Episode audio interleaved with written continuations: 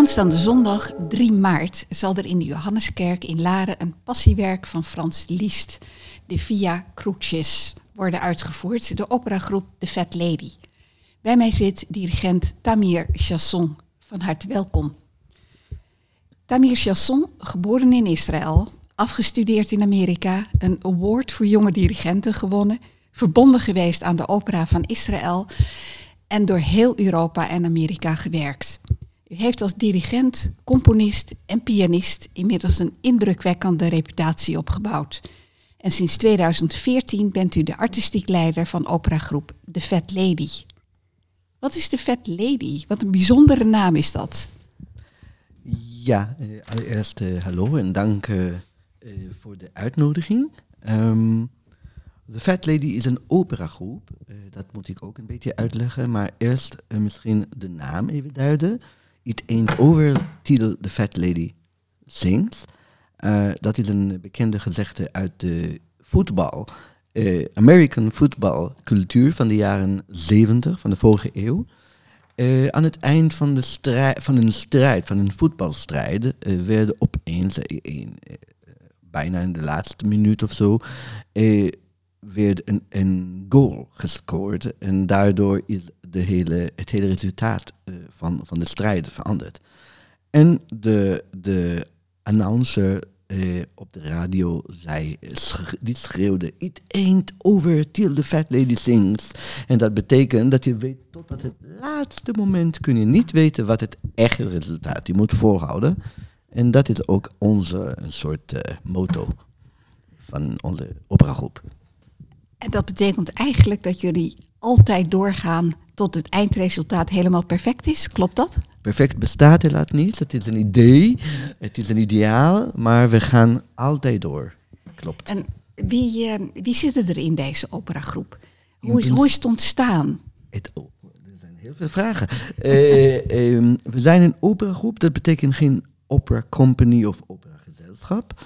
Het idee komt ook meer uit de theaterwereld. Het is een ensemble, dus een groep van mensen, jonge mensen, onder mijn leiding, samen met een heel goed artistiek team dat met mij werkt al een paar jaar. En we zorgen elke twee, drie jaar komen steeds nieuwe mensen in de groep, net afgestudeerd, goede operazangers en muzici.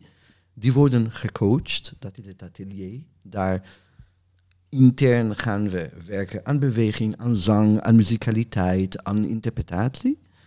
En de operagroep maakt ook voorstellingen. En Weerkroetjes is één van deze voorstellingen.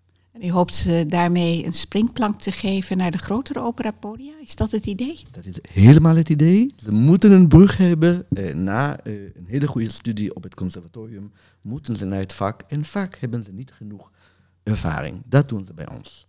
Maar niet alleen ervaring, dus doing by, learning by doing. Ja. In de zin van, je moet er ook van leren. En niet alleen, alleen voorstellingen blijven doen, zonder echt te begrijpen wat je moet doen, waar moet je aan werken, wat zijn, wat zijn je min- of sterk eh, pluspunten en hoe je verder kan. Je blijft eigenlijk als zanger of zangeres je hele leven leren, heb ik wel eens begrepen.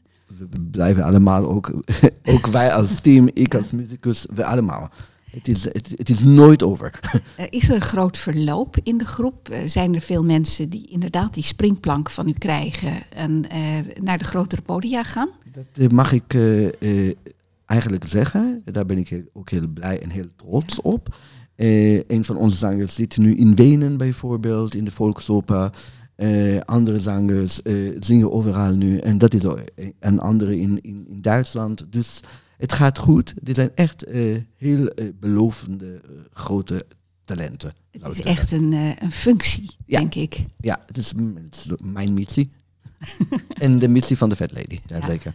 Maar he- betekent dit dat u uw eigen carrière nu opgegeven heeft als dirigent of pianist? Ik heb sowieso een andere loopbaan ge- gekozen. Na vele jaren inderdaad dirigeren en piano spelen overal. Eh, niet alleen in Israël, maar ook in Amerika en in Europa. Heb ik mijn liefde gevonden. En toevallig was mijn liefde eh, in Nederland. Dus ik ben hier naartoe gekomen zonder plannen of ideeën van wat ik wil doen. Sinds 2014 bent u dus de artistiek leider van deze groep. En betekent dat dan dat uw eigen carrière ehm on hold gezet is? Ik denk dat ik eigenlijk eh, voor een ander soort leven heb gekozen. Eh, ik heb eh, veel gedaan in het verleden, dat klopt, in Israël, maar ook in Amerika, in Europa. Maar dan heb ik mijn liefde eh, ontmoet. En die liefde is in Nederland. En dus ik verhuisde ook naar Nederland. Zonder concrete plannen of ideeën hoe mijn toekomst, mijn muzikale toekomst, eruit zou zien, uitzien.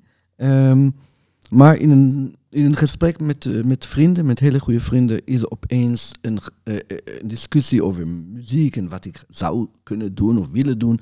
En toen zei ik, eigenlijk heb ik geen zin in de gewone manier van opera doen. Maar ik zou heel graag met jonge mensen willen werken en opera op een andere manier proberen te doen, te gaan maken. En zo is de Fat Lady geboren. Ik was ook, moet ik wel zeggen, ik was in Israël, in de Israëli Opera, was ik directeur, de music director van de opera studio. Dus eigenlijk daar ontstond misschien eh, mijn, mijn droom om met jonge mensen verder te gaan werken. En inmiddels een tienjarig jubileum. Dat komt ook, ja. daar zijn we heel blij mee. En nu aanstaande zondag dan eh, wordt de Via Crucis opgevoerd in de Johanneskerk. Ehm, Frans Liszt voltooide dit werk aan het eind van zijn leven in 1879, zeven jaar voor zijn dood. Ehm, de meeste mensen zullen Liszt nou niet direct linken aan een soort van passiewerk. Zie ik dat verkeerd? Is hij eh, op het laatst van zijn leven iets anders gaan doen? U ziet het helemaal niet eh, verkeerd. Liszt is eh, voornamelijk, hij was geboren in Hongarije eigenlijk. Maar toen werd daar alleen Duits gesproken en heel katholiek gezien. Eh, en best snel werd hij wereldberoemd, of althans in het hele Europa, als een virtuoze pianist en componist voor de piano. Zijn stukken zijn eh, inderdaad een soort showcase van de, zijn vermogen, de technische vermogen op de, op de piano. En, en eh, zoveel mensen kwamen bij hem les te nemen als een grote pianist. Maar parallel was hij al een hele interessante componist van wat wij eh, zouden noemen eh, programmatische muziek. En daar heb ik het over de symfonische poëmen, poëma's. En die zijn heel interessant, die hebben altijd een verhaal. Later in zijn leven ging hij ehm, naar Rome, uit maar ook uit liefde voor de, voor, de, voor de cultuur, voor de kunst in Rome. En hij is zelfs ook eh, eh, eh, geordend als abt. Eh, dat is inderdaad heel gek. Ook in zijn leeftijd werd hij een beetje gekeken van, van goh, is het echt serieus? Hoe, hoe past Ja, dat? hij is getrouwd geweest Ja, natuurlijk. precies. Hij En had hoe- vrouwen en kinderen. En, Eh, Helemaal waar. En ook, hoe past dat ook met, de- met de imago van, van, een, eh, van een soort ent- entertainer, een crowdpleaser?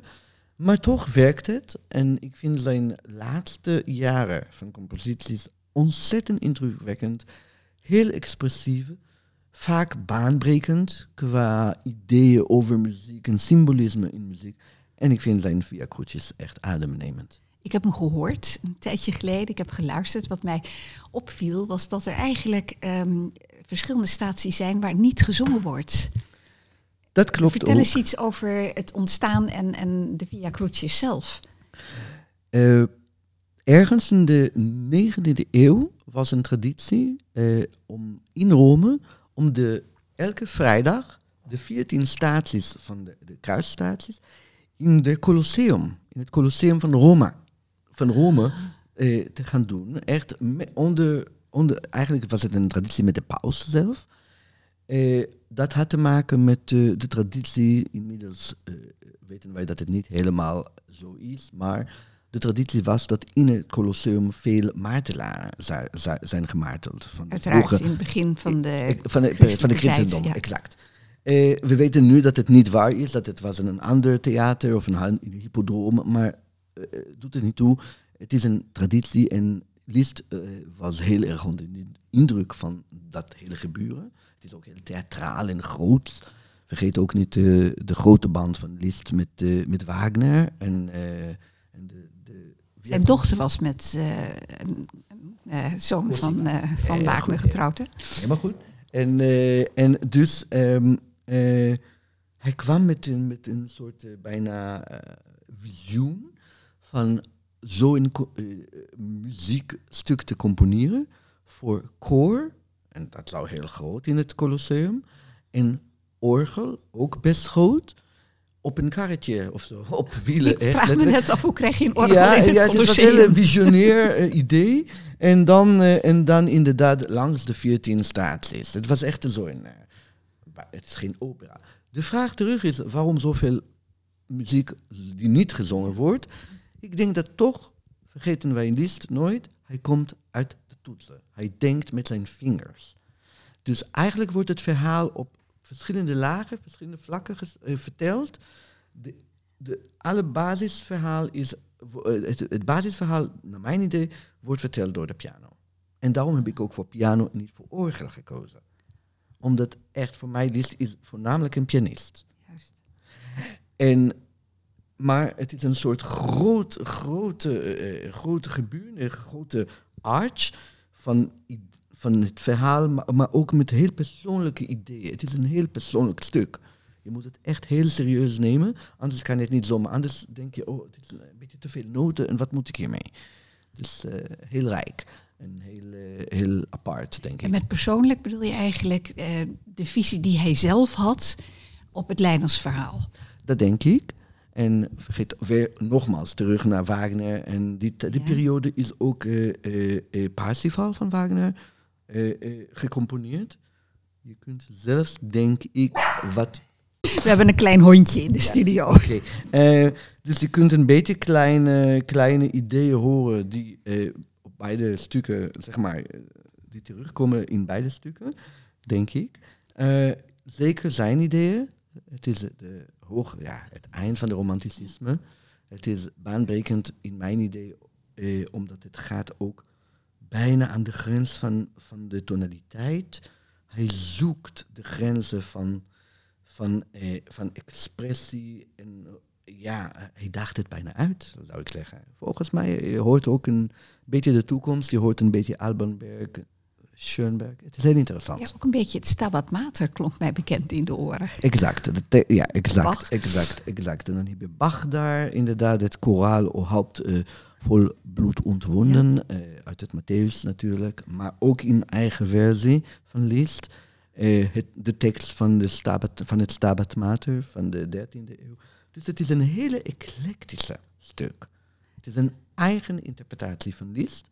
En wij, wij proberen dat ook uh, te, te weer te spiegelen met eigen interpretatie, die, um, die dit beantwoordt, zeg maar, die dit kan uh, verantwoorden en dragen en met het publiek te delen.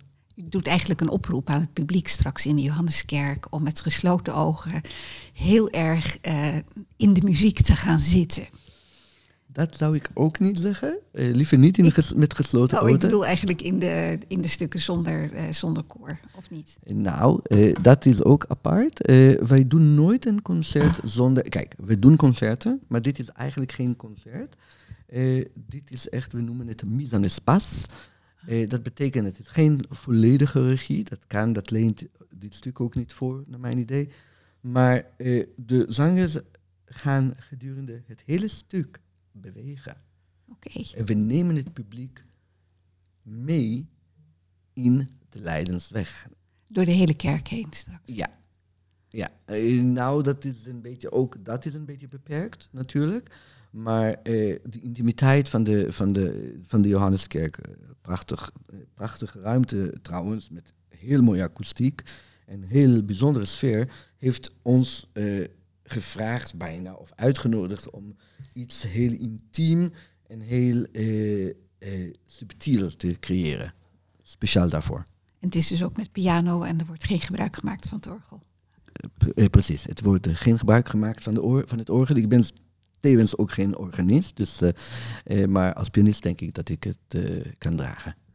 Wat is na dit een volgend project?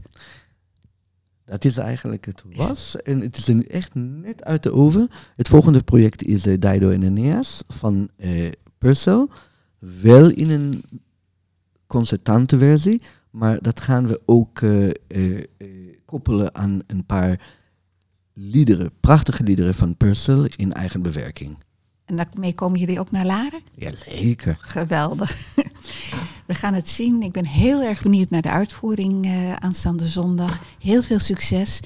En ik heb gehoord dat er nog een paar plaatsen beschikbaar zijn. Dus mensen, als jullie dit horen, uh, koop, een, koop een kaartje. En zijn er meer gegadigden dan er kaartjes zijn, dan worden de stoelen bijgezet, is mij gisteren verzekerd.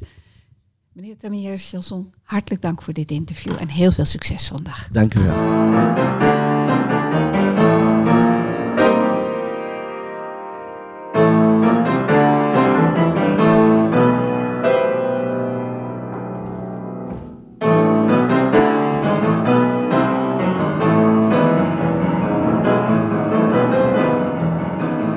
Aangeschoven inmiddels is de regisseur van het stuk, Ida van der Lagemaat. Van harte welkom. Ida, hoe gaat het eruit zien? Hoeveel spelers zijn er? Er zijn, ja, ik noem het eigenlijk geen spelers, ik noem het zangers. dat is natuurlijk toch een Ja, dat is wat anders. Ja. het zijn er vijf in totaal. Het zijn er vijf. Vijf verschillende stemsoorten. En normaal staan uh, alle zangers die staan op het podium, maar dat is dit hier niet het geval. Uh, hoe moet ik dat voor me zien? Wat gaat er gebeuren? Nou, het is een stuk wat gaat over de Leidensweg. En ze leggen ook inderdaad de weg af. Hè. Dus je ziet veel meer beweging van dingen die gebeuren. En wat Tamir ook al zei, het is niet de bedoeling dat wij hier uh, de Leidensweg zoals die bekend is gaan verbeelden met een Jezus en noem maar op wie er allemaal daarin hun aandeel hebben gehad. Wat wij laten zien is eigenlijk de mensen die er omheen staan, hoe die dat mogelijk hebben kunnen ervaren. De toeschouwers eigenlijk, het volk. Ja, de pijn en het onvermogen het, van het onvermijdelijke. Je kunt dat wat gaat gebeuren, kun je niet tegenhouden, al zou je dat willen. En ehm, daar zit natuurlijk heel veel intentie en emotie in. En dat is wat we graag willen overbrengen. En dat doe je door middel van er langslopen, van uitdrukkingen. Uh, hoe, hoe, hoe moet ik me dat voorstellen? Het is een, ja, in beweging. Hè? Het is geen stuk waar mensen vooraan staan en ze staan te zingen. Ze staan voor een deel wel vooraan, maar daar gebeurt van alles. Hè? De, intentie die zij hebben, uh, het verdriet wat, wat er is, hè? De, de shock eigenlijk op het moment dat je merkt, ja, we kunnen echt niet meer veranderen. Hij gaat echt sterven. Dat, dat gevoel wat je dan zou kunnen bedenken dat daarbij hoort dat proberen we te verbeelden. En dat is deels dus in de, ook in de muzikale stukken, maar ook tijdens het zingen. Dat we zien, er gebeurt van alles op het podium. Dus het is meer dan komen luisteren. Ik, dus mijn opmerking van met ogen dicht uh, heel erg naar de muziek luisteren. Zou jammer zijn. Dus, zou jammer zijn, ja, precies. Ja. maar het is dus aan twee kanten heel erg intens. Je moet echt heel goed luisteren en uh, je verplaatsen in uh, de toeschouwers eigenlijk. Ja, ja, en wij hopen eigenlijk zo dat het publiek ook denkt van ja, als ik daarbij was geweest, zou ik me ook zo hebben gevoeld. Ja. Dus dat is sowieso wel de stijl van de Fat Lady om het zo dicht bij de mensen te brengen dat, het, ja, dat je de emotie letterlijk van het gezicht af kunt lezen. En hopen dat het jou ook raakt en denkt van, oh, als ik in deze positie was, zou ik me ook zo voelen. Ik ben heel benieuwd. Maar ergens door uh, deze uitvoeringen te doen, train je toch de zangers heel erg in het um, toneelspelen eigenlijk. Ja, nou vooral in weten wat, wat je aan het doen bent. En in, in die zin, als je ergens verdriet voelt, is dat het verdriet van het personage. Maar als je het kunt vertalen naar een verdriet wat je misschien zelf ooit hebt gehad. Ja en als je dat dan erop kunt leggen, dan wordt het waarachtig. En dat vind ik wel heel belangrijk, dat het ook waarachtig is. Ja. Ik ben heel benieuwd hoe ze het voor elkaar krijgen. Ik wens je heel veel succes met de Vet Lady. Ik vind het een heel mooi initiatief. Dank voor het interview. Dank je.